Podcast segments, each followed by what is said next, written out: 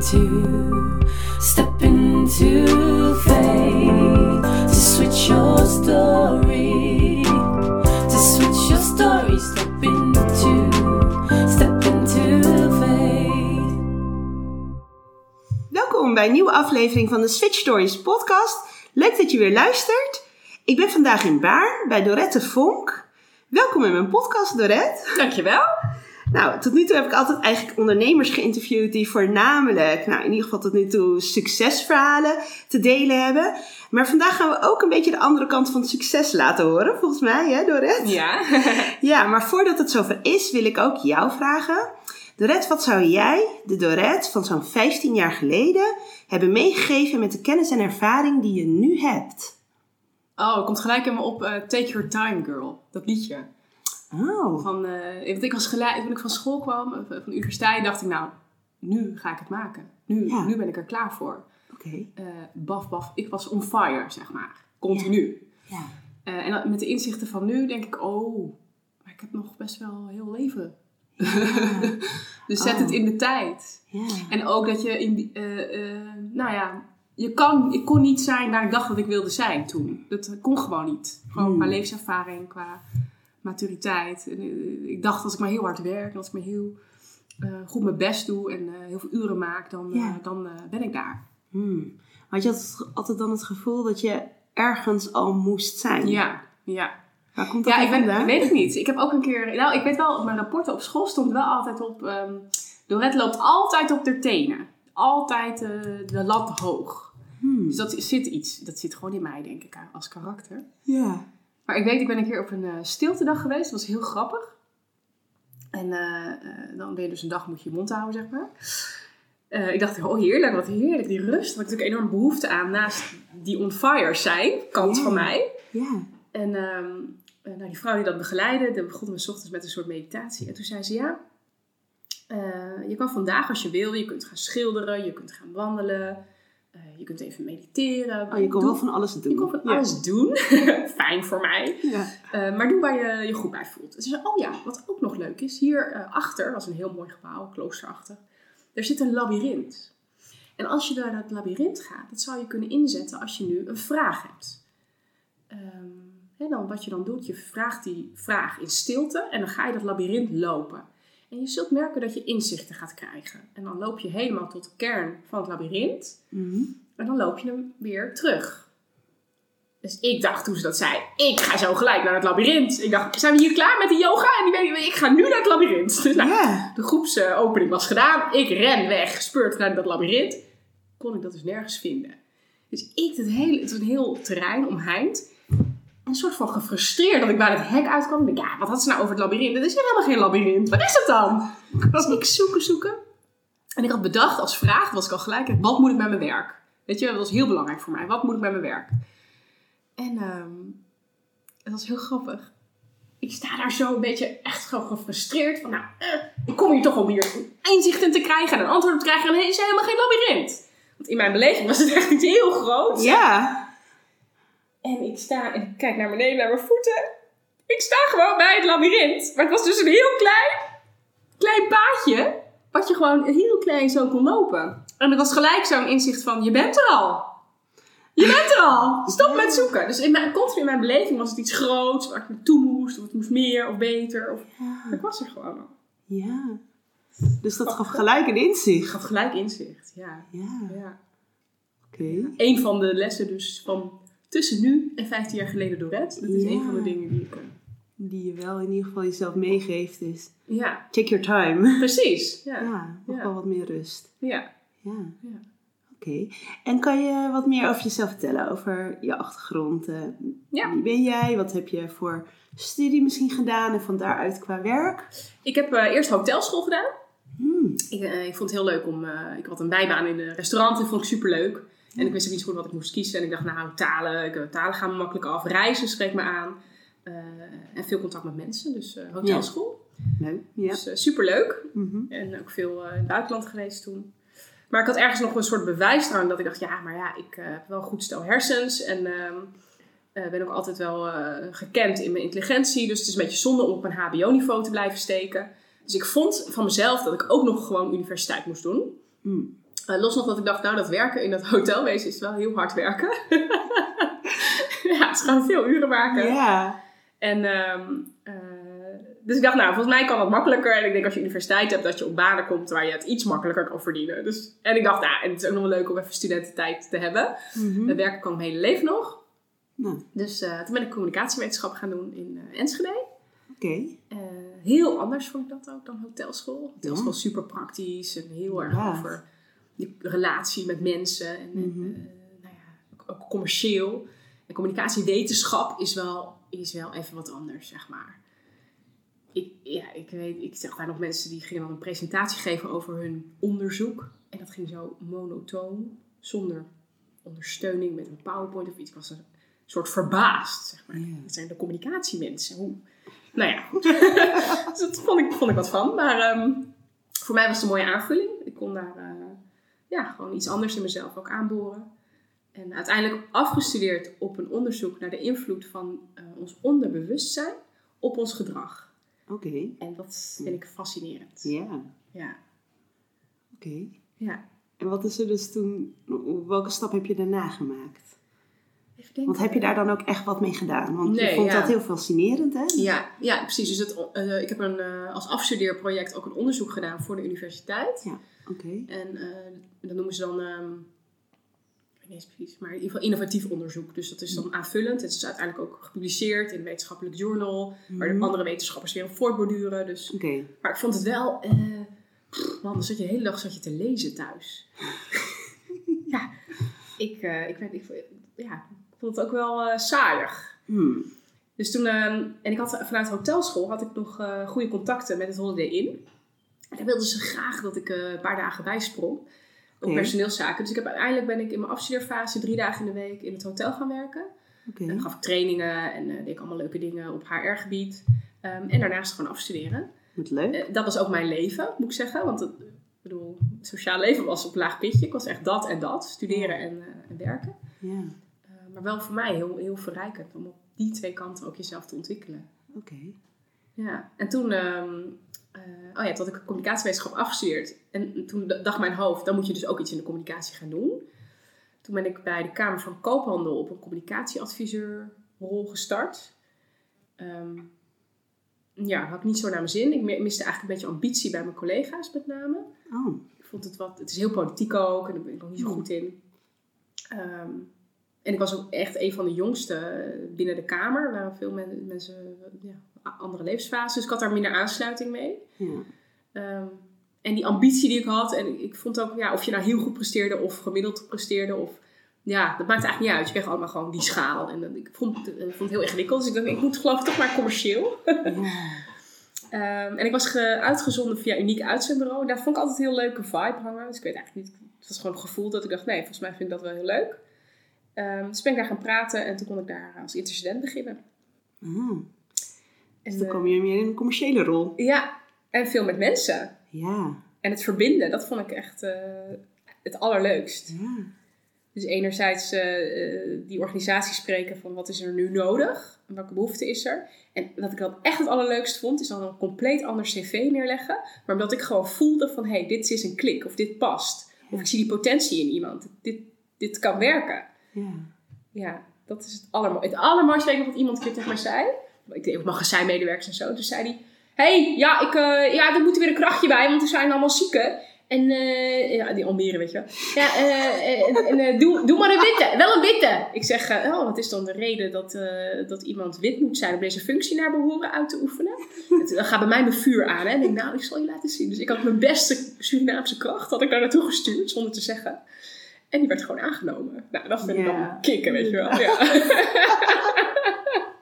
jij denkt dat jij dat nodig hebt, maar je hebt iets heel anders nodig. Dat, Ja, dat ja. Een soort gedrevenheid om het goede te doen of zo, ik weet niet. Ja. Dat zit dan toch wel weer echt weer in jou, hè? Ja. Dan al vanaf vroeger dan. Ja, ja, Ja. ja, ja, daar krijg je heel veel eh, voldoening uit. Ja. Ja. Oké, dus toen ging je... Heb je heb, hoe lang heb je dat gedaan? Ik heb best lang gedaan. Even denken. Ik was bij 2007 begonnen, 2011 bij Uniek weggegaan. Oké. En dat was ook, Uniek was een werkgever. eh, die, ehm, het was een hele goede arbeidsmarkt. Er was wel heel veel moeite om intercedenten te, te vinden en te houden. Ik kreeg allerlei ontwikkelprogramma's, een coach. eh, het was echt goud. Een gouden start voor, voor, Ja. Voor iemand die net van de universiteit komt. Echt. Ja, het was echt een mooi verlengstuk van het studenten. Ja. Dat Helemaal je- in de leermodus. Ja, inderdaad. Dus dat je nog verder kan ontwikkelen terwijl je aan het werk bent. Ja. Ja, mooi is dat, als je dat soort kansen krijgt. Hè? Ja, heel waardevol. Ja. Ja. Want het salaris bijvoorbeeld was echt significant lager dan ik bij de Kamer van Koophandel kreeg. Mm. Eh, maar toch koos ik heel bewust voor die, voor die ehm, persoonlijke ontgroei, zeg maar. Ja, inderdaad. Ja, je Ja. zag wel de waarde daarvan in. Ja, ja enorm. Ja. Ja.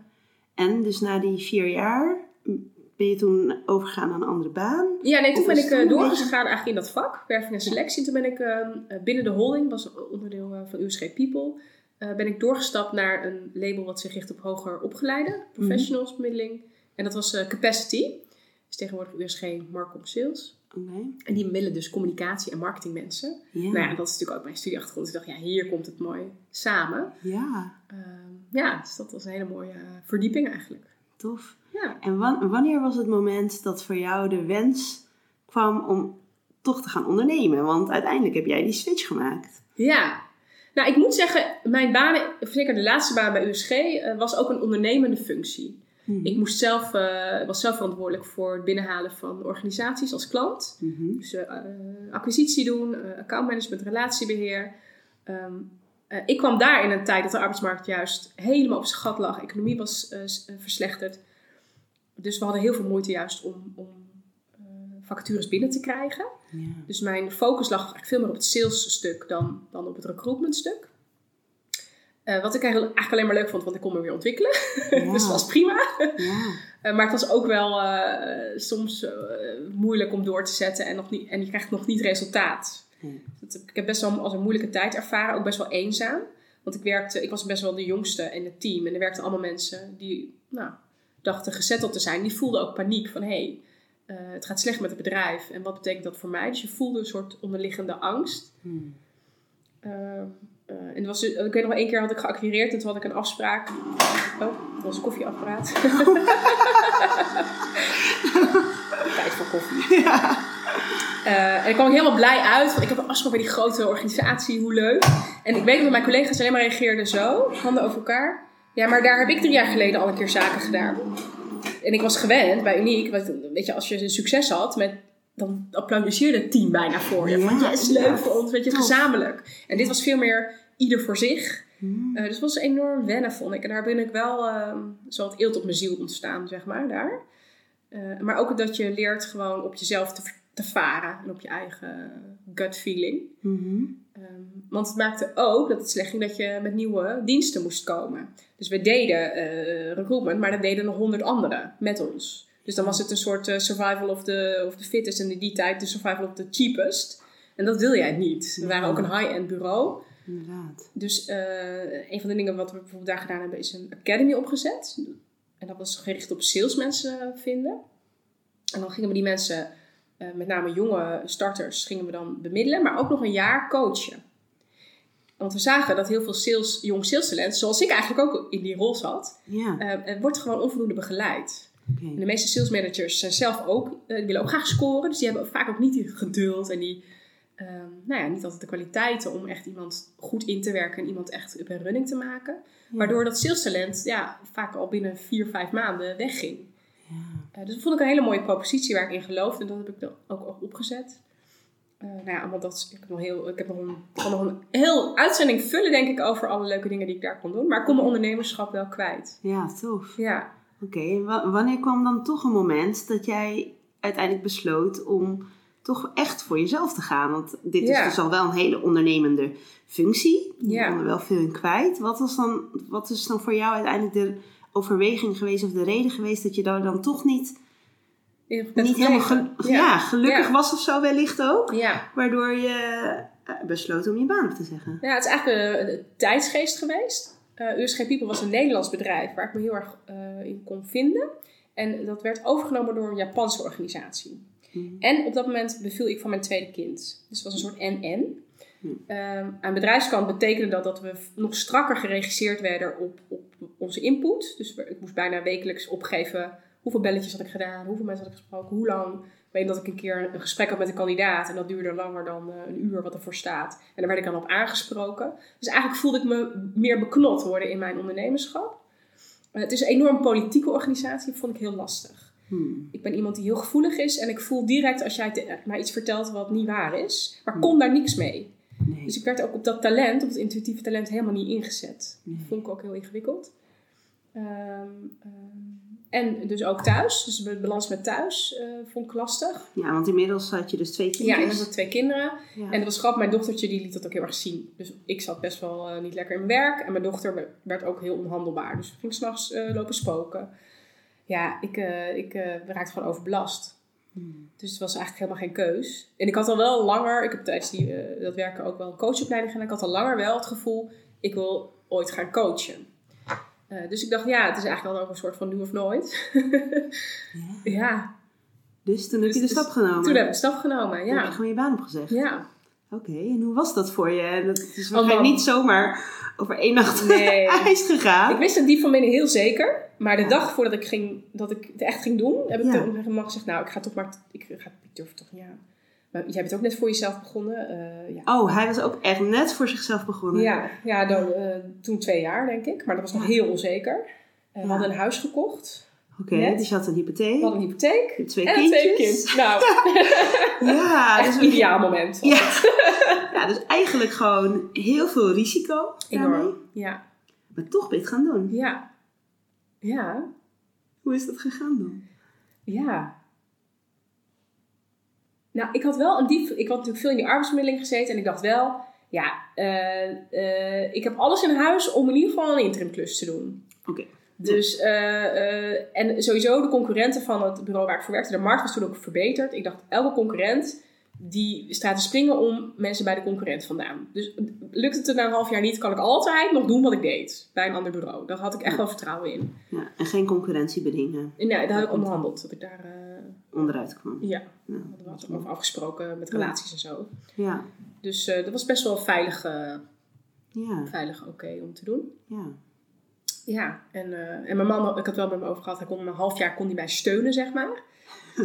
dus nou ja, en daar vond ik ook wel wat van, om dat te, te doen ook, om dat te accepteren, die hulp. Maar Ja. eh, ja, ik dacht, ja, het is ook, ik, ik, moet er ook gewoon voor mijn dochter meer zijn. Dus het was ook gewoon eigenlijk, ja, het kon niet anders. Nee. Want zo doorgaan was ook echt geen optie. nee. En het was de dag dat ik eh, gestopt ben met werken en mijn dochter slaapt door. Ja, Ja. ja, echt. Bizar toch? Ja, inderdaad. Dus het voelde ook heel goed. Het was Ja. een goede keus. Ja, dus qua alles eigenlijk in je privé situatie, in ieder geval qua gevoel, Ja, wist je gewoon, Ja. dit is gewoon een goede stap. ja. Dat Het is is goed heel om dan zeker. afscheid te nemen. Ja, Ja, ondanks de risico's. zeg ja maar. mijn hoofd vond het echt wel eh, niet eh, een goeie- goed idee. Want heb je Oh. nog wel bepaalde stappen genomen voordat je dan definitief de beslissing had genomen om je baan op te zeggen? Heb je bijvoorbeeld nog wel extra gespaard of iets waardoor je, Nee. waardoor je nee. nog een beetje een Nee. soort van... Het enige wat ik gedaan heb, ik ben, eh, ik ben gewoon naar de directeur toegestapt en ik zei: eh Ilko, het gaat zo niet. En hij zag het ook aan mij en ik begin dan ook gelijk te huilen, want dat vind ik een soort van falen. Oh, ja. Eh, ik, ik kan het gewoon niet waarmaken. Ik begin er nog van te huilen als ik aan denk. ja, ja, Ja, dat is echt heftig. Ja, Omdat ik zo, ehm, ja, zo gedreven ook ben. wauw. Ja. En hij, hij heeft dat heel erg gewaardeerd. Ja, Dat ik daar heel eerlijk over was. ja. En ik zei, ik kan er eigenlijk ook niet zomaar mijn baan op zeggen. Want ik ben eigenlijk thuis gewoon kostwinner. Ik ben een stabiele inkomsten. Inderdaad, want je man was net gaan ondernemen. Ja, ik zit eigenlijk vast, weet je. Maar ik had er over nagedacht. En ik heb ook wel een idee. Maar dan moet jij me ontslaan. Formeel. En hij zei, ja, maar Doretje, met een ik ga je niet zomaar ontslaan. Ik wil je houden, weet je wel. Dat was heel ingewikkeld. ja. Maar ja, het- ik zeg, ja, het gaat zo niet door. Weet je, dan ga ik uitvallen. Dan, ja. Dan kost ik nog meer. ja, ik sterker nog, ik ben eigenlijk al gewoon Uit. uitgevallen. Ja. Ja. En, eh, Oh. nou, dus dat was heel fijn. Dus hij heeft mij formeel eh, willen ontslaan. Waardoor ik eh, recht had op een uitkering. Ja. Dus dat was een soort achtervang. En ik ben ook gelijk, toen ik mijn bedrijf begon, heb je zo'n regeling, was toen tenminste, ik weet het nog eens, maar kon je starten vanuit een uitkering. Ah, ja. En dan kon je het eerste half jaar, als het niet beviel, kon je weer gewoon terug. Dus dan kon je in de reguliere, eh, dan moet je, moet je een sollicitatieplicht en zo. Ja. Dus dat was een heel fijn eh, vangnet. Ja. Ja. Ja. En het raakt je gewoon nog zo, Ja. echt zo diep, hè, als je er gewoon over nadenkt of aan terugdenkt. Ja. Ja. Ja. Ja, ik weet niet waarom het nog zo raakt. Ja, wel opvallend. Het is toch een gevoel van, van falen geweest. Ja. Ik heb, het hier, ik heb het niet kunnen. Ik dacht ook altijd van ja, die moeders die dan eh, zwaar vinden. Ja, nou, het gebeurt mij niet, weet je wel. Dat, ik, ben, ik bedoel, ik ben een vrouw van deze tijd. Ik heb een man naast me die gelijkwaardig in een relatie zit. Ja. Maar toch, toch lukte het me niet. Nee, inderdaad. En was het dan ook ehm, inderdaad ook in combinatie juist met het ouderschap, je Mhm. moederschap, wat juist dat gevoel dan nog ergens misschien nog sterker maakte? Want als je natuurlijk geen Ja. kinderen zou hebben, dan is het misschien net eventjes ietsjes makkelijker, hè? Of dan ja je moet wel wat minder streng voor jezelf Ja, ik heb wel altijd, als ik op terugkijk, ik heb altijd, eh, ben ik erg vermoeid geweest van mijn werk. Hmm. Dus ik, ik was wel altijd om negen uur of zo naar bed. En het werk heeft altijd wel veel van mij gevraagd. Ja. Maar met kinderen, dan is de, ja, dan houdt het gewoon op. Ik bedoel, Ja. ja. die kinderen gaan gewoon door s'nachts. Ja. Ja, Ja. jammer dat jij moet slapen, maar ik word wakker. Ja. Ja. ja, Ja, ja dus dat eh, is eigenlijk ook een heel mooi geschenk. ja tuurlijk, ja. Ja. En, en voor mij dacht ik ook, als ik later nou op een sterfbed lig en ik wil ergens spijt van hebben, wil ik er dan spijt van hebben dat ik er te weinig voor mijn kinderen was? Of wil ik er spijt van hebben dat ik geen carrière heb kunnen maken? ja. Mooi. En dan was het een vrij duidelijke keus. Ja. Ja. Wauw. Gaat het een beetje? Ja. ja. Oh, ik vind het echt heel mooi dat je zo open bent. Ja. Ja, ik, ik, ik denk dat heel veel vrouwen deze struggle kennen. Ja, Ik krijg niet dat nou, dat denk ik ook. ben. Nee, dat denk ik echt zeker niet. Nee. Nee. Nee. En hoe is het nu voor je? Nou, het, blijft, het blijft lastig, vind ik. Ja. Dat maakt ook dat ik nu wel eh, daar zo op reageer. Het blijft een uitdaging. Ja. Ja. Wil je even stoppen? Want mag hoor. Ik pak even wat water. Ja, ook pak maar iets? eventjes wat water. Nee hoor, ik heb nog thee. Dank je. Zal ik hem gewoon heel even stopzetten anders?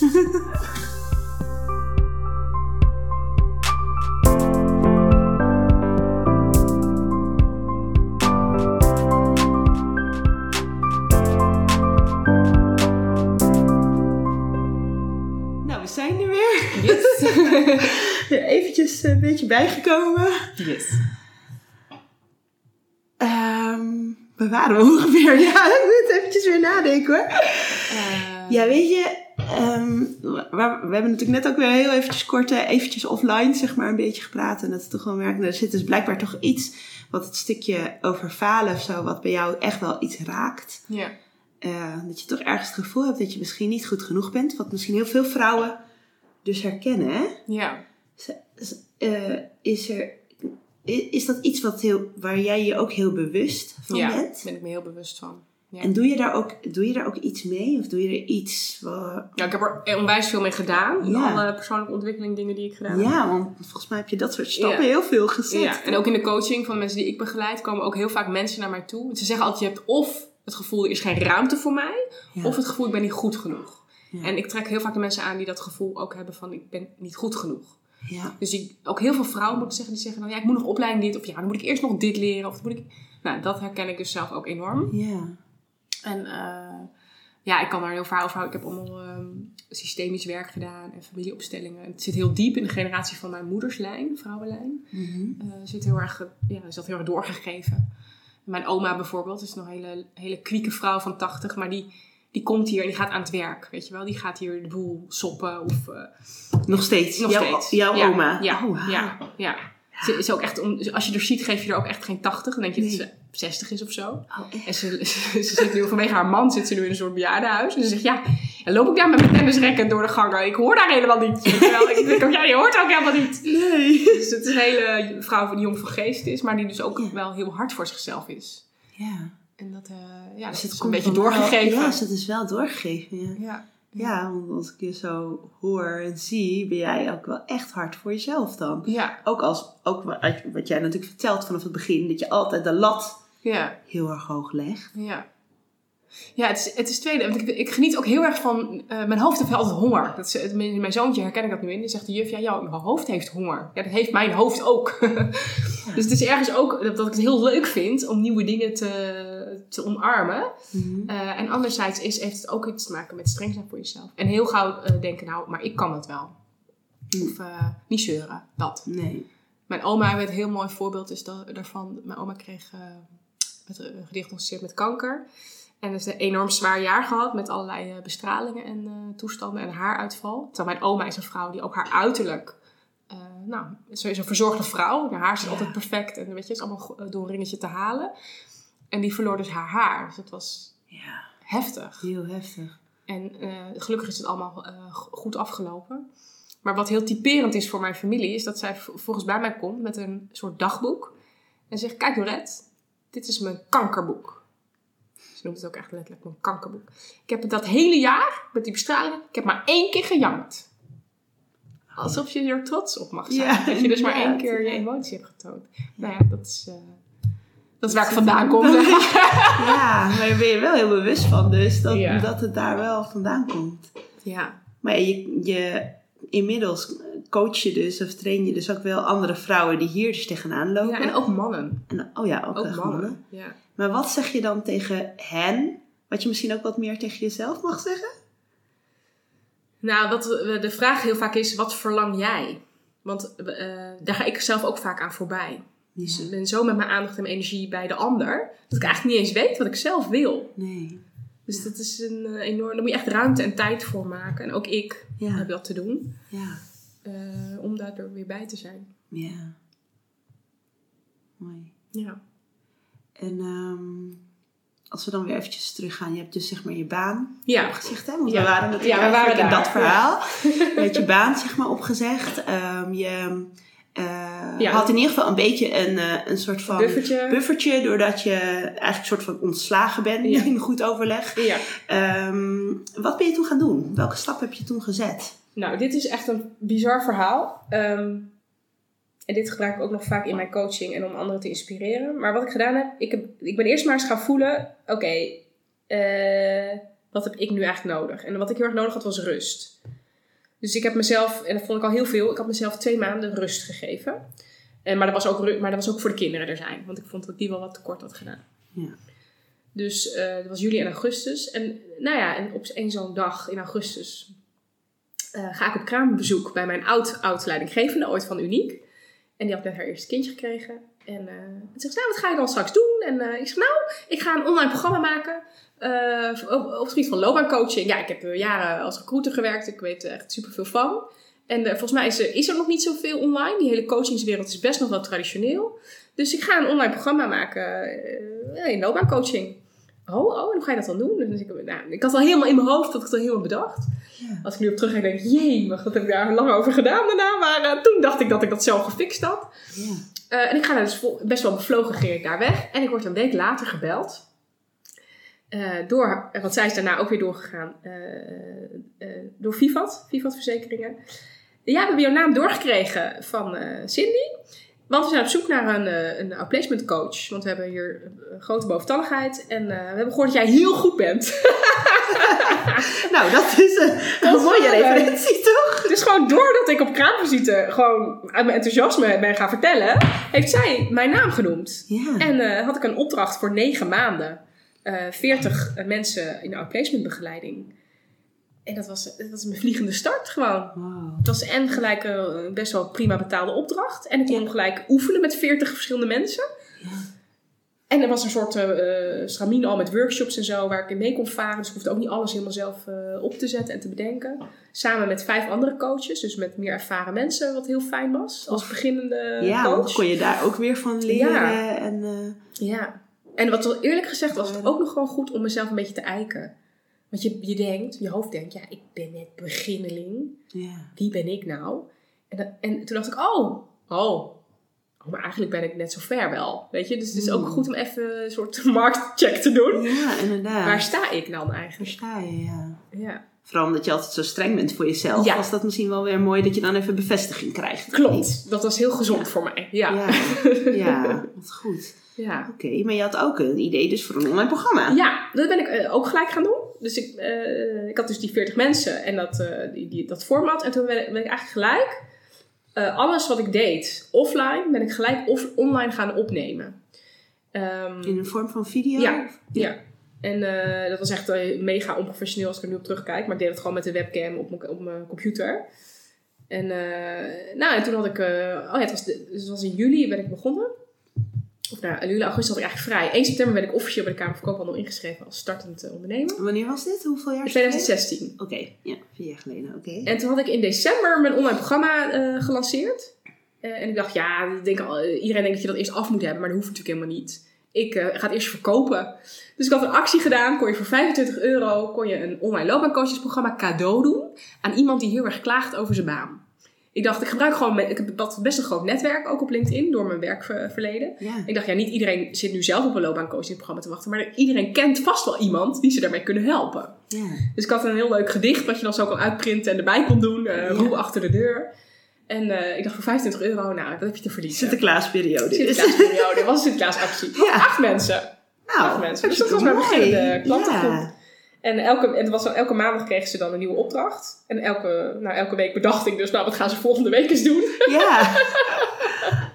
Wat Ja, goed. Ja, je bent dus wel gewoon stappen gaan zetten. Eigenlijk, dus dat hoeft er nog niet helemaal af te zijn. Nee. Nee, dat is ook echt wel een, een eh, learning die ik Ja. wil doorgeven aan andere ondernemers. Ja, want, ja. Gewoon gaan doen. Gewoon, verkopen is het allerbelangrijkste.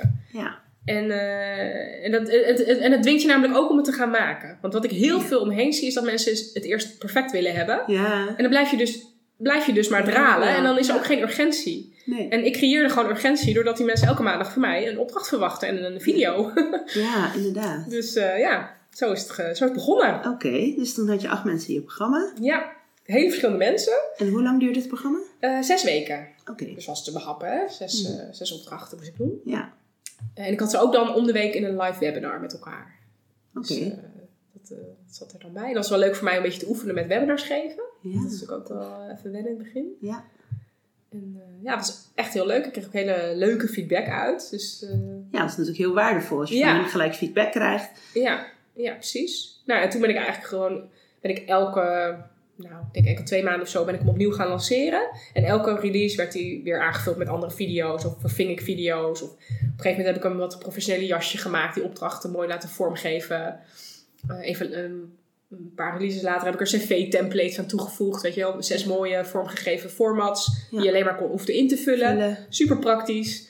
Mhm. Eh, nou ja, zo groeide en groeide dat eigenlijk. Tof. Ja, ja. Ja. En dan de ene keer deed ik het met een live bijeenkomst erin. En de andere keer deed ik, eh, eh, deed ik het helemaal, on- helemaal online. En, Ja. eh, en toen werd ik ook ondertussen, want ik had natuurlijk dat negen maanden traject afgerond, werd ik ook een beetje gevraagd, weer, want die mensen waaien er ook allemaal uit naar bedrijven, werd ik weer gevraagd om eh, één op één coaching te doen met mensen. En toen dacht ik, nou, dan is het prima, maar dan doe ik gelijk het online programma erbij. Dus Ja. ja, zo is het eigenlijk een wat meer combinatie geworden met het, en het online programma en persoonlijke gesprekken. En dat is eigenlijk de formule die voor mij het beste werkt. Ja.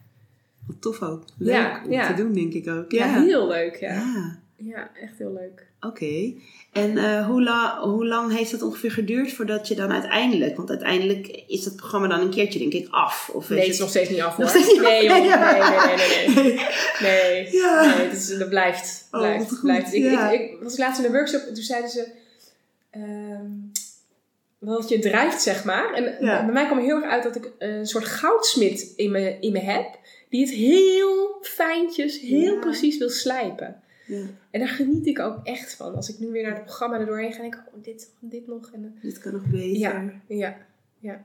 Dat vind ik eigenlijk heerlijk ook. Omdat het gewoon... eh, Wat is dan niet eigenlijk ergens een soort van valkuil dat het dus eigenlijk nooit goed genoeg is? Nee, ik denk dat ik ook mee moet bewegen met de markt. Zeker in eh, solliciteren, dat verandert ook. Ja. Ja. Best wel snel. Ja. Eh, het houdt mij ook scherp.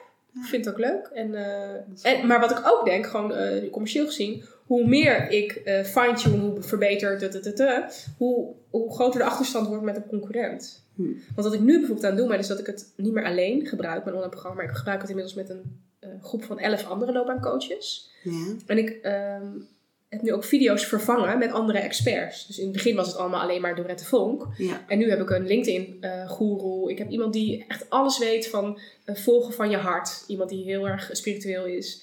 Eh, ja, ik heb allerlei mensen nu daarin zitten. Ja. Ehm, en dat maakt ook dat, het- dat het gewoon niet meer kopieerbaar is. En niet meer voor een eenpitter eh te doen is. nee. En die afstand wordt alleen maar groter hoe meer ik er nog op, op kan inzetten. Ook met een persoonlijkheidstest waar ik nu mee bezig ben met Amerika om die erin te krijgen. Gewoon, eh, ja. Oh, dus je blijft, je blijft ontwikkelen. Ja. Je blijft ermee bezig. ja. Aan het begin van dit gesprek hebben we het natuurlijk ook wel gehad over dat we het vandaag ook zouden hebben, zeg maar, over de andere kant van succesvol ondernemen. Ja. Eh, dus eh, als ik daar zeg maar een beetje die kant op mag gaan, Ja. wat, ehm, eh, wat maakt dat voor jou? Ehm, jij in ieder geval nog niet, in ieder geval, ja, wij hebben elkaar natuurlijk eh, vooraf wel een beetje gesproken. En toen gaf je aan van, nou, ik heb nog niet het succes wat ik heb, wat Beoogd. ik ja, Ja. eigenlijk had beoogd. Ja. Misschien komt daar dan ook wel weer een stukje, misschien dat falen weer boven. Ja. Dat je dan het gevoel hebt dat het niet helemaal zo is geworden als dat wat je misschien Nou, ik moet wel zeggen, ik heb nooit voor ogen gehad dat het werd wat het nu is. Ik, Oh. ik had wel, eh, ik voelde wel, er zit een kans in dat online ondernemerschap, of een online programma. Want ik dacht wel, ja, ik ben beginnend coach, de hele wereld wil coaching eh, doen. eh, ja, wie ben ik nou? Weet je, dat gevoel had ik al sterk. Ik moet wel, ik voelde wel, ik heb ook iets anders te bieden. Ik heb ook Ja. iets, iets snels en iets resultaatgerichts. En, Ja. hè, wat toch wel anders is dan de, dan de, nou ja, de meeste coaches die ik dan zag. Maar ik kon het niet helemaal pakken. En, en toen dacht ik, nou, volgens mij is het online stuk nog onontgonnen gebied. Is er nog heel veel te winnen. Dat, dat wist ik gewoon zeker. Ja. Dus ik dacht, hoe- linksom, rechtsom, ik moet gewoon daarmee beginnen. En eh, ehm, eh, eigenlijk doordat ik zichtbaar was met het online programma, kreeg ik ook allerlei coachopdrachten. Dus ja, grappig hoe dat gaat. ja. Eh, je vraag, sorry, ik ben even aan het Nou, hoe het dus komt waardoor jij het gevoel hebt dat, tenminste, eh, daar hebben we het nu dan nog niet zo specifiek over gehad. dat het nog niet maar gelukt is. dat het nog niet gelukt Nee. inderdaad is. Want dat is waar wij het natuurlijk Ja. vooraf ook hebben gehad. Ja. Want jij gaf ook bij mij aan van, wil je eigenlijk ook wel iemand interviewen die nog niet zo... Ja. Ik kan al er het nog niet van succes, leven. Zeg maar? Oh ja, inderdaad. Nou, dat is dan inderdaad wel een interessante natuurlijk om te weten. Want dat is natuurlijk ook, de, denk ik, de realiteit van heel veel ondernemers, wellicht Ja. ook wel, of die zich allemaal ondernemers noemen, dat ze er eigenlijk niet van kunnen leven van datgene wat ze eigenlijk het allerliefst zouden willen doen. Ja, klopt. Maar, maar hoe ga je daar dan ook mee om, hè? Ja, nou ja, eh, ik denk in het begin eh, heb ik sowieso mijn uitgavenpatroon heel erg gedownsized. En eh, dacht ik, mijn kinderen zijn het belangrijkste. En dan maar even geen nieuwe kleren en uit eten. Ja. En ik had natuurlijk op zich best een prima klus aan Vivat. Ja. Een omzet van eh 30.000 euro per jaar, zeg maar. Is niet wat ik gewend was in loondienst, maar hè, kon Ja. van rondkomen. Ik had het gevoel dat ik nog wel wat bijdroeg en eh, mijn man deed wat meer en dat, dat ging. Ja, Maar was ook niet wat ik per se alleen maar wilde doen. nee. Ehm, en ik zag echt kansen in dat online ondernemerschap. En ik had misschien in 2016 wel gehoopt dat ik nu inmiddels zover was. Dat ik de trein rijdende had. En dat ik, dat ik een passief inkomen voor een groot deel uit het online programma kon halen. Ja, inderdaad. Dus in die zin voelt het mislukt. Maar ik heb wel het idee dat ik nog onderweg ben. Ja, dus gewoon nog niet gelukt. Nee. Je bent nog niet daar waar je eigenlijk het liefst had willen zijn. Nee. En waardoor denk je, waardoor komt dat denk je? Dat, je, dat het toch nog niet, zeg maar, zo gelukt is of nog niet zo ver is als waar je eigenlijk had willen zijn? Nou, ik, ik ehm, eh, had op een gegeven moment geen middelen om te investeren. Dus ik, Hmm. ik had het nodig dat ik veel eh, deed aan advertenties en, en, en eh, veel content laten zien en zo. En dat vraagt en tijdsinvestering en een financiële investering. Ja. Tenminste, ik, ja, ik kan dat gewoon niet allemaal alleen. Nee. Eh, ik heb een half jaar ook helemaal niks verdiend. Want toen ben ik omgegaan. Ik dacht, ja, ik moet het ook niet allemaal alleen, alleen willen doen. Eh, volgens mij moet ik de handen samenslaan. Toen ben ik heel erg gaan zitten op... Ik ga resellers werven in de vorm van andere loopbaancoaches. Want ik geloof dus niet in alleen maar online. Nee. Dat zit er ook bij. Ja. Want er zijn, eh, zoals Simone Levy, doet het natuurlijk alleen maar online eigenlijk. Ja. Ja, ik vind dat zelf, ik kan dan niet de kwaliteit leveren die ik wil. Hm. Dus voor mij is het juist hand in hand. Ja. Juist eh, die gesprekken wel ja. en het online. Daardoor doe je ook die één op één. Ja, Dus dat ja. en één op één is dus super arbeidsintensief. ja, kost heel veel tijd Ja. van jou. Ja. En het verdient eigenlijk ook helemaal niet zo best. Nee. Tenminste, ja, als je kijkt naar voorbereiding en, en daarna weer, dat is gewoon, ja, Ja. dat is heftig. Dus ik dacht, nou, maar en heel veel loopbaancoaches die ik sprak, wilden ook wel een online programma. Maar die hadden ook niet de tijd om daar aan te beginnen of niet te kennis. Of... Dus ik ja, ik, weet je, ik geloof heel erg in Ubuntu samen. Waar, ja, en ik ben dan maar het vonkje die het dan eh, aansteekt. Ehm, dus toen ben ik het afgelopen half jaar heel druk geweest om te acquireren eigenlijk van die loopbaancoaches. En ze te enthousiast te maken om, om mijn online programma te gaan eh, gebruiken. Ja. Eh, en ik had een target gesteld voor mezelf dat half jaar 10 mensen werven. En ik heb er 11 gecontacteerd. Dus dat is eigenlijk heel erg geslaagd. Nou, dat is Alleen wat er dan nu gebeurt is dat, ze, dat zij ook weer tijd nodig hebben van, eh, om het te verkopen, om erin te geloven. Dus ja, het is, het, is, het is ook een beetje geduld hebben ergens. Ja. En eh, ja, en dat, ja, voor mij heeft het ook geresulteerd op een gegeven moment dat ik dacht, ja, ik voel nu het water aan mijn lippen staan en ik wil eigenlijk doorontwikkelen. Maar dat vraagt ook investering. Ja. Had ik niet. Dus ik, ik ben ingegaan weer op een interim opdracht als recruiter. Ja, Dat was altijd ook mijn achtervangidee. Ik dacht, nou, als dit even niet gaat, kan ik altijd nog interim recruitment doen. dat is natuurlijk wel heel fijn om zo'n soort, Backup. in ieder geval Ja. backup te hebben. Ja. Hè? Dat je Ja. Ja, klopt. in ieder geval nog altijd een interim klus kan doen. Ja, Waarvan je dan zeker weet, dat levert in ieder geval weer veel geld op voor Ja. het komende half jaar. Of ja, ja. zoveel maanden. Ja. Ja. ja, is zo. ja. Maar ik moet eerlijk zeggen, toen ik daarop inging, dacht ik, oh, als ik nou maar gekozen word. Ik ben natuurlijk al, al drie jaar uit het vak, weet je. Dan ga je al, je hoofd gaat allemaal dingen. Nou, Ja. dat was helemaal geen vraag, ik had die opdracht zo. Maar... En nu zit ik erin en denk, ja, natuurlijk.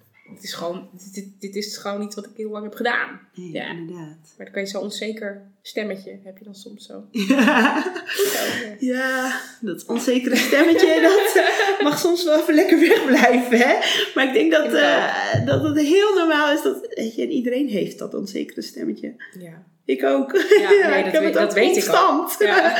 ja, dat is gewoon echt zo, constant. Ja. Ik bedoel, eh, ik heb het ook wel eens hier in de podcast verteld. Ik bedoel, eh, voordat ik hiermee begon. Ja. Wie ben ik nou om mensen te interviewen? Ik heb nog nooit een interview gedaan. Hoe moet ik dat doen? Ik heb helemaal geen journalistieke achtergrond. Dus ja, eh, je hele onzekerheid kan helemaal tot hier, totdat je dus helemaal niks gaat doen. Ja, het verlamt, hè? Ja. En dan ga je dus helemaal niks doen. Nee. Nou, dat heeft bij mij eh, bijna een jaar geduurd. Weet je, van idee totdat ik het echt een keertje ging doen. En me er echt een keer toe ging zetten. En nu ben ik het gaan doen en dan ga je er overheen. Ja. En dan is het zo tof. En is het, weet je, en heb ik dit soort gesprekken. Wij hebben elkaar nog nooit eerder ontmoet. Nee. Weet je, en jij bent zo open. Dat vind ik zo mooi. Ja, ja. weet je, anders, als ik dit niet was gaan doen, dan zaten wij nu ook niet met elkaar aan tafel. Zat je, zat je ergens achter een laptop, zat je je ding te doen? Ja, had ik niet te doen. En nu heb ik overal prachtige gesprekken met allemaal ondernemers die allemaal hun eigen verhaal hebben. Ja. En allemaal echt wel ehm, wat te delen hebben ook. Ja. Ja. Weet je, want ik, ik, ik denk ook, ik, ik maak deze podcast juist met het idee ook om mensen die heel erg twijfelen over ondernemerschap, omdat ik dat zelf heel erg tof vind, Mhm. ehm, eh, eh, een beetje handvatten te geven, wat inspiratie te geven, om misschien in ieder geval kleine stappen te gaan nemen. Ja. Ehm, en dat vooral met vertrouwen. En nu spreek ik natuurlijk heel veel ondernemers die dus allemaal eh, successen van hun bedrijf, tenminste die ik tot nu toe heb gesproken, hebben over het algemeen best wel eh, groot succes. Soms al in een hele korte tijd. Weet je, dat, dat het gewoon hartstikke goed gaat, wat natuurlijk heel tof is. Ja. Maar ik geloof ook wel, en daardoor wil ik niet alleen maar de succesverhalen. Natuurlijk, ik geloof echt dat jij, volgens mij gaat het met jou gaat het helemaal goed komen. Alleen, ehm, misschien, weet je, nu ben je er nog niet. Of Nee. je kan er nog niet van leven waar je eigenlijk het liefst van zou willen leven. Van je online programma en dat je passief inkomen hebt. Ja. Maar, ehm, Nou, en dat is misschien nog niet eens het passief, maar waar ik, wat ik heel graag wil, ehm, is, en dat is een heel diep gevoel, is iets in mensen aanzetten. Iets in Ja. mensen, wat echt heel authentiek is bij mensen zelf, eh, om dat te raken. ja, En dat is zo, ja, het is heel moeilijk uit te leggen, maar als ik één op één met mensen coach, dan kan, dan kan dat soms. Ja. Bij, bij sommige mensen is dat zo. Alleen vind ik het lastig om daar mijn geld dan echt alleen maar daarmee te verdienen. dienen. Want die mensen komen misschien acht keer bij mij in het bos wandelen. En dan mag ik weer opnieuw. Snap je? Ja, En plus nog ga je dat voor jezelf zo'n traject betalen. Dat is ook nog wel wat. ja. Ja, dat is natuurlijk de investering die mensen dan natuurlijk Ja. bereid moeten zijn om dat te doen. Ja. Dat is... Ja. Ja. Terwijl er waarschijnlijk wel een hele doelgroep ligt. ja. Ik heb wel mensen gehad die dat zelf deden hoor. Maar over het algemeen eh, is dat toch wel moeilijk. Ja. Je weet ook niet, hè, als in, of, ja, als in, je weet ook niet wat je eruit gaat halen vooraf. Nee, maar dat is Dat is natuurlijk altijd een beetje met coaching. Hè? Ja. Ja. je weet dat inderdaad niet vooraf als je gaat investeren of dat, dat datgene gaat opleveren Nee, wat je eigenlijk eh, hoopt. nee. Eh, soms kan het je misschien verrassen, maar soms kan het misschien ook heel erg tegenvallen. Ja, dat kan natuurlijk. Ja, Dat, dat maakt natuurlijk ook wel de bes- beslissing maken ja, vaak lastig voor mensen, ja, klopt. denk ik. Ja, is heel lastig. En dat is denk ik ook met wellicht ook best wel wat luisteraars van mijn podcast. Mhm. Die twijfelen over het maken van een stap naar het ondernemerschap. Of misschien wel juist sowieso een switch naar misschien wel een hele andere branche. Het hoeft misschien niet eens het ondernemerschap te zijn. Hè? Mhm. Maar, maar überhaupt een switch maken in Ja. je leven is natuurlijk, heeft natuurlijk ook te maken met keuzes maken. Ja, en je weet niet wat er achter die deur zit. Nee. Nee. En dat vinden mensen, daarom vinden mensen het heel lastig om een keuze te maken. Hè? Ja. ja, dat is Hoe maak jij jouw keuzes? Oh, dat is goed dat je het vraagt, want ik zit ook midden in een keuze iets. Maar eh, Oh ja? ja, Wil je daarover delen? Ja, nou, ik ja, mag best wel gedeeld. Ik eh, zit nu dus op die interimopdracht. Wat echt heerlijk in mijn comfortzone is. En eh, waar, waar ze me omarmen om mijn expertise en helemaal prima. Eh, maar ik vind het zelf een beetje saai. Ik kan niet mijn creativiteit helemaal in kwijt. Eh, maar ja, het verdient wel lekker het is comfortabel. Ja. Dus. En ik ben gevraagd om een traineeship te gaan ontwikkelen voor young professionals. Helemaal, helemaal van nul opgezet met een online programma, één op één coaching, trainingen. Onwijs leuk. Ik krijg heel veel energie dat ik denk, oh, leuk, leuk, leuk. Voor leuk. een opdrachtgever. Ja. Ja. ja. Eh, eh, dus dat, dat ligt er nog. En ik heb natuurlijk nog steeds mijn werkgelukprogramma. Wat eigenlijk best al een heel mooi Ja, dit is je heeft. online programma. Dit is ja. programma met mensen zo'n mooi magazine na afloop. Oh, dit zijn de magazines. Dit er liggen hier allemaal magazines inderdaad eh, op tafel. We moeten het natuurlijk even eh, een, beetje te een beetje proberen te visualiseren voor mensen die luisteren. Die kunnen natuurlijk niet meekijken. Eh, maar het is dus inderdaad echt in de vorm van een magazine. Eh, eh, het verhaal van mensen eigenlijk. Ja, dus, mensen, het is een, eh, dus mijn programma is drie maanden. Ja. En dan krijgen ze, elke ja. week krijgen ze twee opdrachten. Hmm. En die opdrachten variëren enorm. Het boort allerlei dimensies ook aan in, je, in, je, in jezelf. Dus Mhm. zowel op cognitief als emotioneel als spiritueel. Allerlei facetten raakt het. Ook gewoon met testjes en zo. Ehm, eh, en ook heel praktisch van hoe vind je dan zo'n zo'n kans. En die twee opdrachten maken ze elke week zelf. En dan vullen ze dat in in een invulbaar pdf. Ja. En dan na, drie maanden eh, komt het dus samen in zo'n magazine. Dus hier bijvoorbeeld je droombord, je vision board. Er komt dan een foto van in. Want ik geloof heel erg van ehm, eh, de kracht van iets zien weer. Dus Ja. de energie gronden. Dus je kunt iets wel bedenken. Of in de coaching Mhm. eh, kan ik het met jou mentaal over hebben. Maar het zit nog niet helemaal in mijn systeem. Hmm. En om echt een beweging te maken is het heel belangrijk dat je het doorvoelt. En zo'n magazine nog eens een keer openslaan en nog eens een keer bekijken. Wat helemaal van je, uit je eigen binnenste is gekomen. Dat is dus enorm motiverend. ja, tof. En het is ook nog eens een keer eh, eh, een hele mooie, als je vlak naar, voor een sollicitatiegesprek zit bijvoorbeeld, of voor een eh, potentieel nieuw klantgesprek, nog even je eigen magazine doornemen. Nou, dan groeit je zelfvertrouwen. En zo kan je je onderbewustzijn dus ook.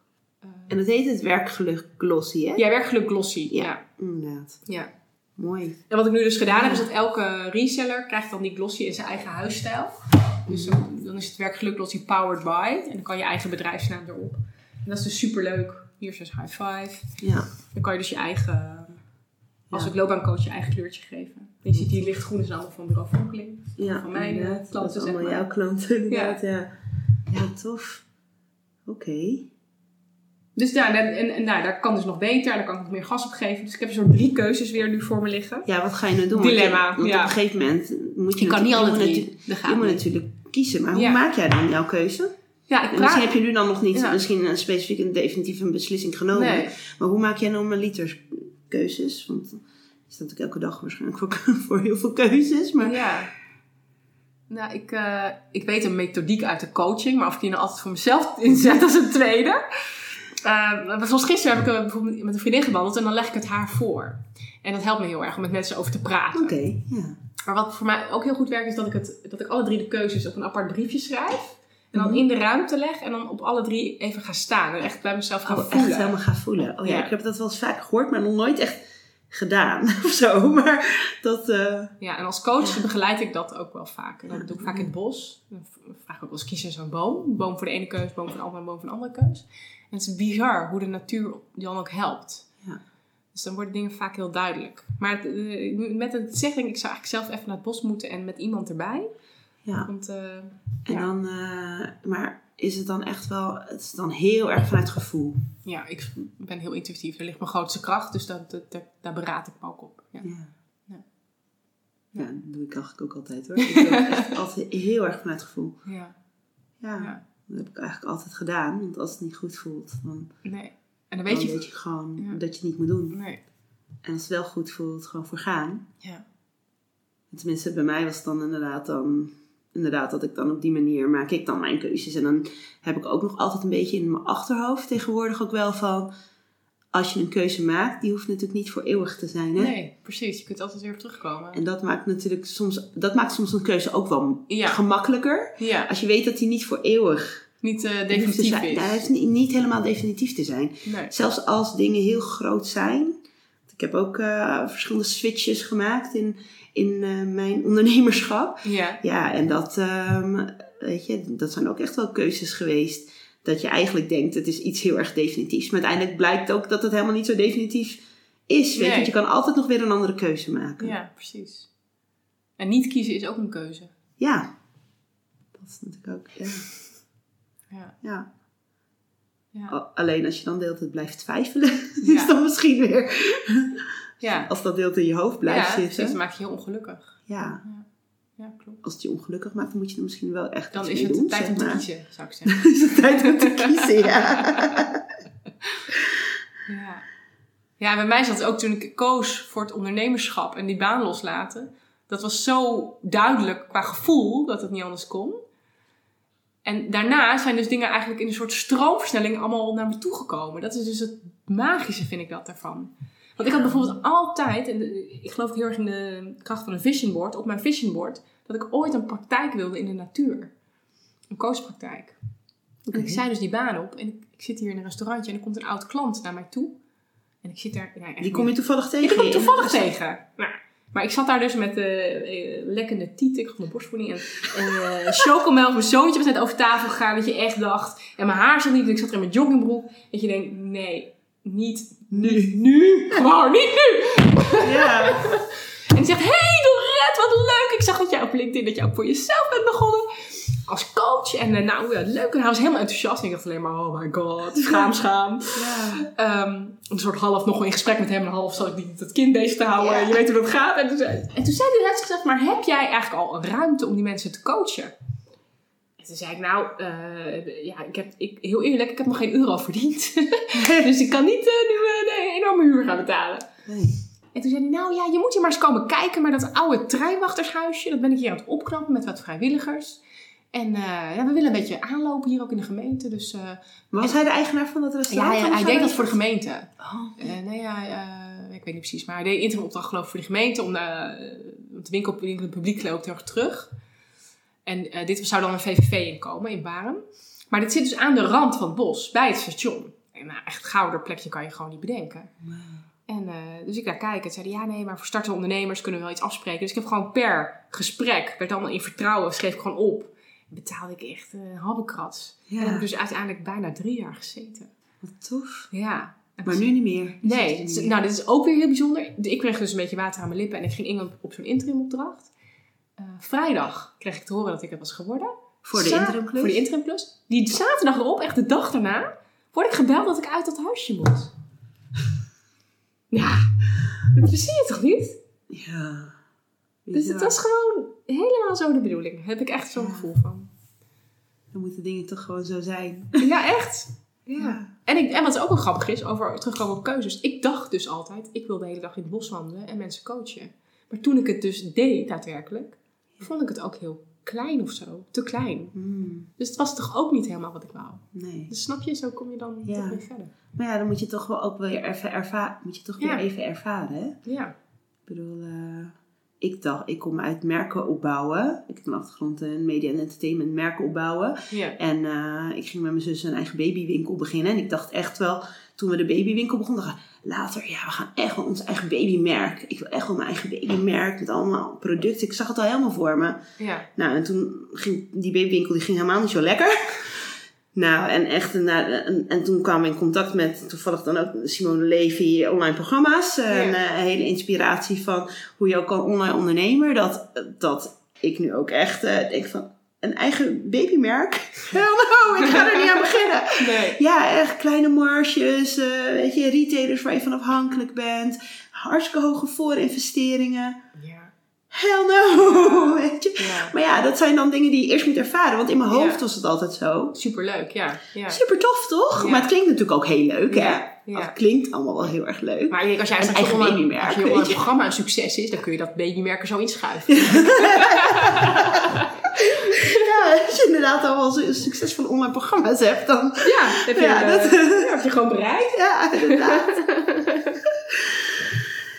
maar ja, je hebt natuurlijk wel, wat natuurlijk wel mooi is, is dat je wel echt ehm, durfde de stappen te zetten. Je hebt het toch Ja. gedaan en uiteindelijk komen Aan, er eh, dus aan, dingen op. aan moed is het mij nooit ontbroken. Nee. Zeggen mensen ook wel eens tegen mij. Ja. Komt dat ook ergens vandaan? Ik zou het niet zo goed weten. Dus te zien, ehm, ehm, ik zeg altijd, ehm, ik leef heel erg vanuit vertrouwen. hè? En ik zeg ook in deze podcast, is mijn ondertitel ook eh, Step into Faith to Switch Your Story. Mhm. Dus eh, vertrouwen is voor mij heel belangrijk. Waar komt het vertrouwen bij jou vandaan? Want het is natuurlijk ook een stuk vertrouwen. Ja, vertrouwen in jezelf. In jezelf. Ja. Ja. Ik weet het niet. Ik weet het echt niet. Het is een heel diep, diep iets dat ik weet dat het altijd goed komt. Ja. Ergens. Misschien toch ook wel te maken met dat je elke keer ook wel misschien bevestiging ook hebt gekregen van dat je go- goed Ja. werk levert of zo. Dat dat ook dat dat he- meehelpt. Ja, het zou kunnen. Ik weet het niet zo goed. Hmm. Ik moet eerlijk zeggen dat ik als klein meisje al wel wist dat ik iets groots ging doen.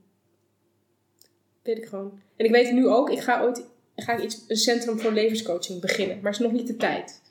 Maar het is heel, een heel diep... Ja, het klinkt ook echt bizar. Mijn man denkt ook, nou, die gids met die koeien, die koeien, die... eh, ja, eh, weet je, die eh, gelooft allemaal wel. Dan zegt hij, waarom niet nu, nu dan? En het is nog niet de tijd. Maar ik voel dat het er wel in zit. Ja. En dan is het een soort vertrouwen en overgeven dat het dus wel naar me toe komt. Ja. Nou ja, en dit soort ervaringen met zo'n coachruimte die dan naar je toe komt, die bevestigen dat gevoel natuurlijk. Ja. Ja. Die dan naar je toe komt en die dan ook weer weggaat op een moment dat, Dat je, het ook dat het is. eigenlijk ook juist goed is. Ja. ja. Ja. En hoe meer ik intune, zeg maar, op me... Dus dat heeft te maken met meditatie doen en ruimte voor mezelf inbouwen. Hoe beter ik er... Nou, hoe, hoe meer het gaat stromen, zeg maar. Hoe meer dit Ja. dingen natuurlijk naar me toe komen. Ben je er altijd al mee bezig geweest, de meditatie? Nee, mijn moeder heeft daar helemaal niks mee. Dus dat werd ook niet, mijn gevoeligheid werd ook niet echt gezien als kind. Dus dat, zij had geen idee. Ik dacht, helemaal ingewikkeld kind. Het is, eh, het is eh, overgevoelig. De moeder zou ik meer zo quoten. Ehm, nee, ja. Ik denk dat ik er... eh, toen bij Uniek ben ik in ieder geval met persoonlijke ontwikkeling in aanraking gekomen. En toen dacht ik wel, dit is mijn weg. Hmm. En dan kom je ook wel met, ja, zo een beetje in systemisch werk. En zo ben ik er een beetje in gegroeid, denk ik. Mooi. Ja. Ja.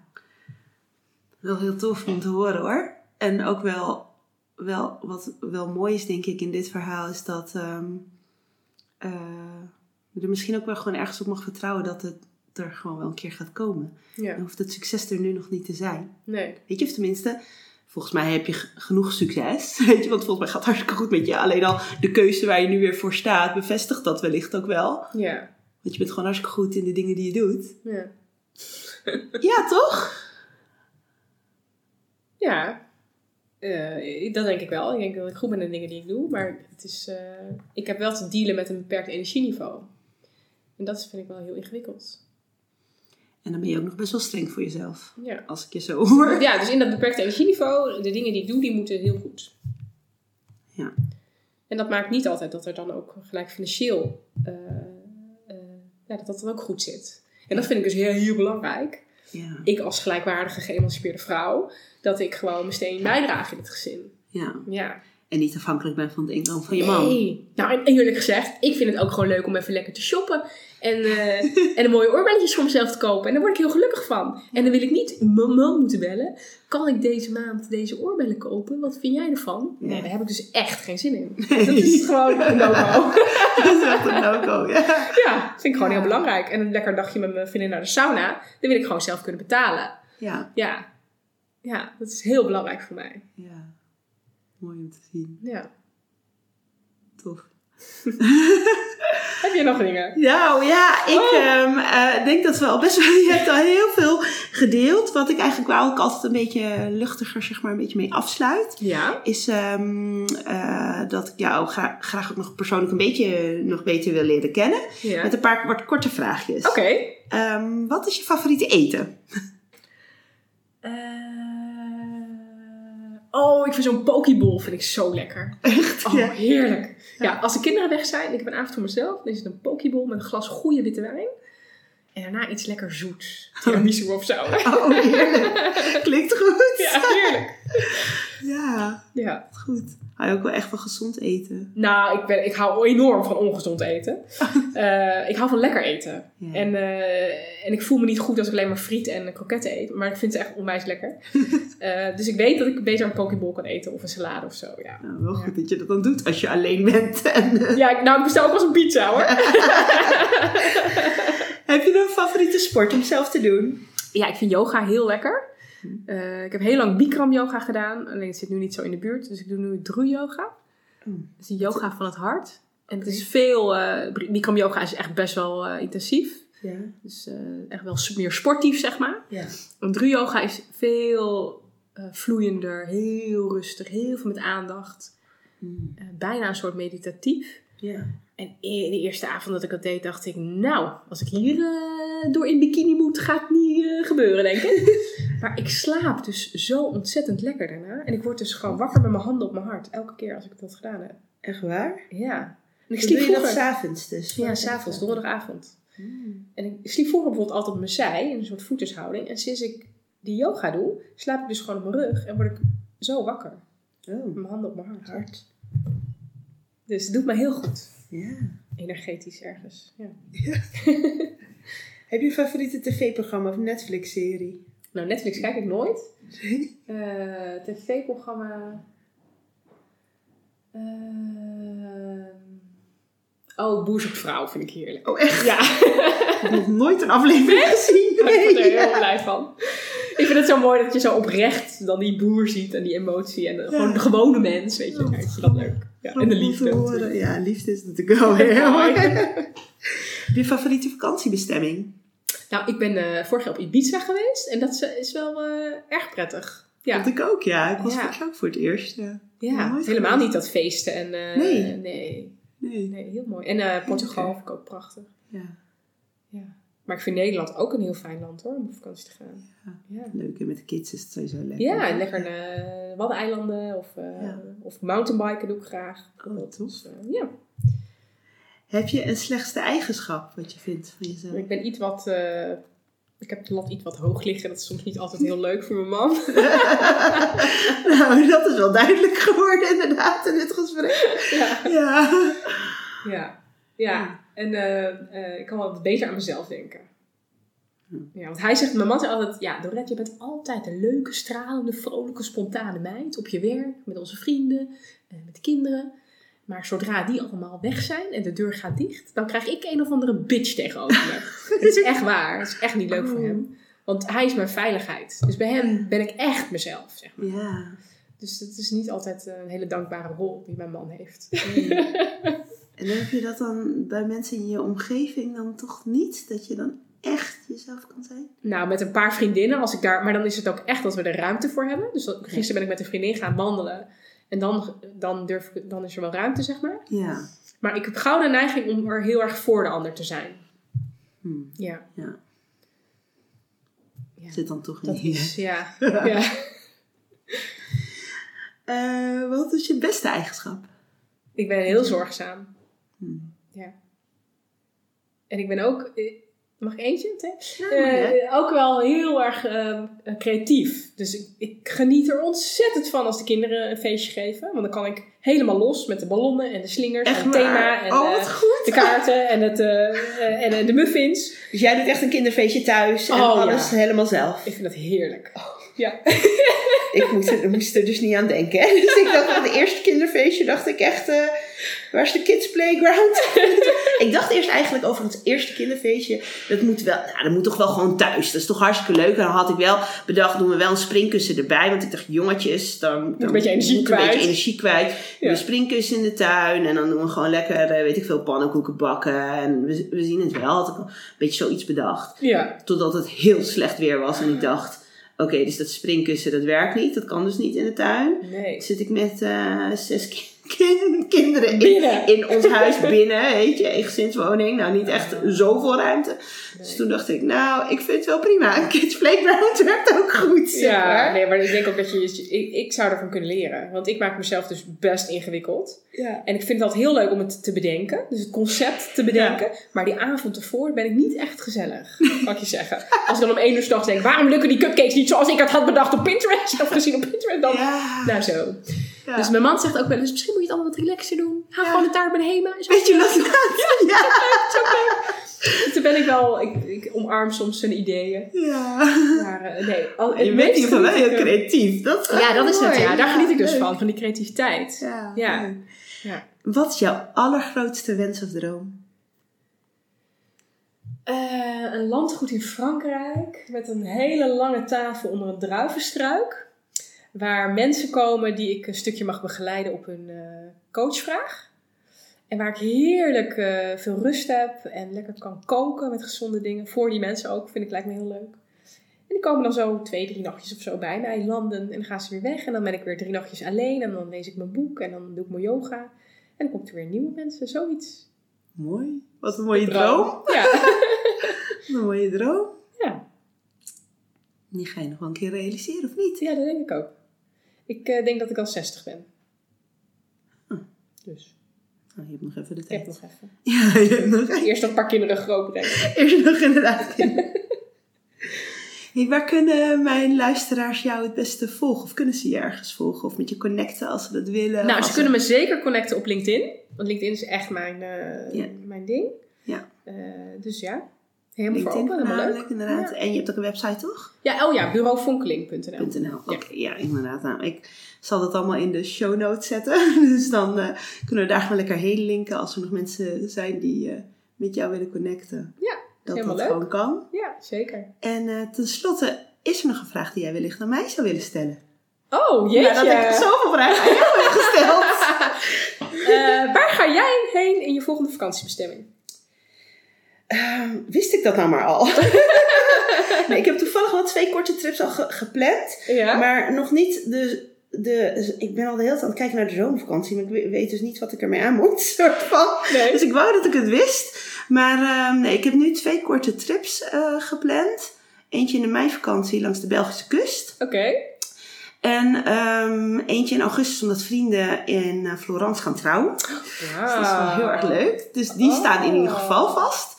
Maar er moet natuurlijk ook nog een zomervakantie komen. En ik denk zelf dat het een Spanje of Griekenland of zo wordt. Het allerliefst zou ik eh, naar familie in eh, Indonesië vliegen. Maar ja, ook door wel wat privéomstandigheden eh, ziet het ernaar uit dat ik voorlopig nog niet zo ver kan vliegen. Ja. Dus, ehm, eh, ja, dus ik denk dat het gewoon lekker Europa wordt. En beslis, je- altijd op het laatste moment? Of- Nee, eigenlijk niet. Het liefst heb ik, had ik dit ook gewoon al in januari geboekt. Ja.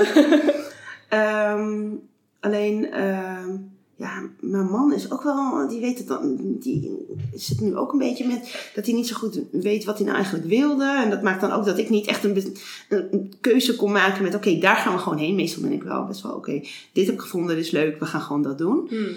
Dus heb ik op een gegeven moment wel gevraagd van, wat, wat wil je nou? Weet je, want vorig jaar zijn we lekker eh, drie weken naar Frankrijk gegaan. Maar dat was toch met de auto. En nu zei ik van, ja, ik wil eigenlijk niet met de auto. Ik wil niet zo ver rijden. Dus dan kunnen we niet gewoon iets eh, met het vliegtuig. Hmm. En ehm dus ja, oké, prima, weet je. Griekenland en Spanje, Spaanse kust of zo, ook hartstikke leuk. Ja, super. Ja, ik wil gewoon zon, zee, strand. Nou, Oké. dus ja, ik vind het ook prima, weet je. Als we maar gewoon eventjes in ieder geval twee weken weg zijn Ja. of zo. Ja. Dat is toch wel een soort van de minimumeis. Ja, Zeker voor de zomervakantie. Ik bedoel, die kleine heeft gewoon zes weken zomervakantie. Dus we moeten in ieder geval wel even weg. ja, precies. Dus, ehm, dus ja, dus het staat nog niet helemaal Het vast. open. Maar het ja, staat nog open. Maar ik hoop eigenlijk dat we hem wel binnenkort gaan boeken. Want het wordt natuurlijk... ja, eh, gaat ook wel hard, het gaat natuurlijk wel hard. Dus we moeten nu ook wel een beetje keuze gaan maken. Maar toevallig had ik ook wel met een vriendinnetje van de week over die ook nog geen keuze had gemaakt. Ook door alles met coronavirus nu Oh, ja. en zo. Dat ze Oh, echt ja. zoiets had van, oh, ik weet niet zo goed wat ik ermee moet. Nee. Dus, ehm, nou ja, wij zijn daar op zich, ehm, ik ben daar niet heel erg, we zijn er wel heel nuchter onder. Dus ben Ja. erg mee bezig. Maar, eh, waar ga jij heen? Jij Eh, ja, nee, ja, nou, ja, ik ga naar Groningen. All places. Groningen, in de zomervakantie? ja. Oh, wat lekker. ja, ik heb heel erg last van eczeem. Dus ik eh, moet heel erg uitkijken met de zon. En sinds vorig jaar ineens. En ehm. Eh, ja, en ik, wij zijn al met vrienden op vakantie. En we hebben een wensenlijstje. We willen en surfen. En we kunnen zeilen. En kunnen mountainbiken. Nou, en eh, ook nog een beetje een fatsoenlijk huisje. Want vorig jaar zaten we in een ingerichte safari tent. Dan hadden we ratten s'nachts. Oh nee. Ja, dus dat willen we ook niet meer. Dus Nee. de keuze was vrij eh, beperkt. En toen hadden we iets gevonden dat aan al die aspecten voldeed. Ja. En toen was het vol.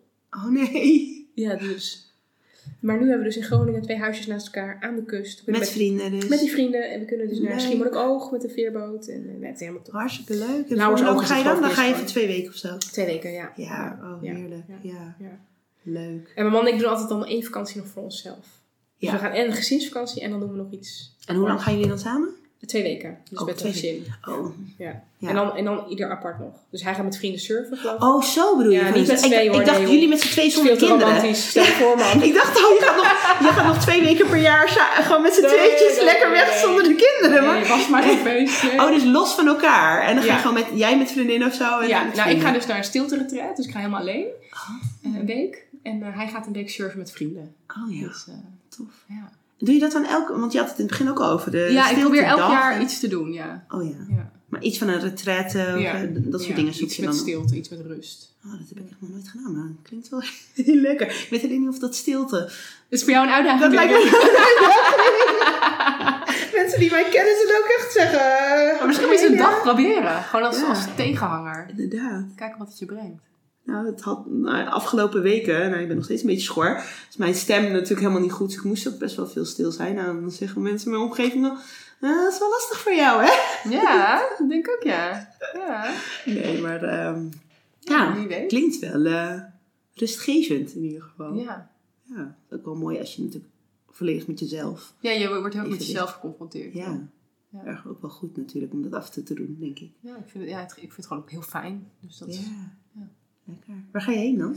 Ja, ik ga, nu, eh, ja, ik ga dit jaar niet naar Ibiza. Ik ga gewoon in Nederland naar een ehm uh, retraite klooster, Berkhoven, net onder Utrecht. Oh, gewoon hier. Dus gewoon lekker dichtbij. Ja. Ook, ja, voor het effect hoef ik eigenlijk helemaal niet naar Ibiza. Nee. Het gaat toch om dat je met jezelf eh, Ja. bezig bent. En zijn er dan wel andere vrouwen? Of is ja, het is wel een gelijk groep. Ja, maar ik heb wel een kamer alleen. Dat vind ik Ja. wel, heel fijn. Ja, dat is fijn. Ja. Dus eh, ja, Mooi. dus dat ga ik lekker doen.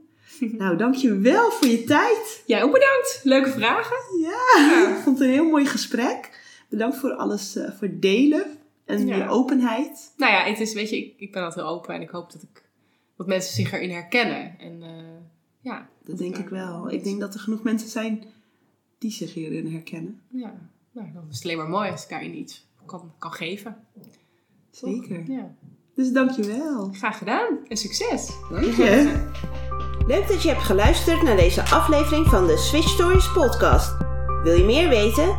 Kijk op de switchstories.nl of volg mij op Instagram @ameliastegwij. Vind je dit een leuke podcast? Dan zou je mij natuurlijk enorm helpen door een review achter te laten, zodat mijn podcast beter gevonden wordt en ik hopelijk meer mensen mag inspireren. Alvast heel erg bedankt en tot de volgende aflevering.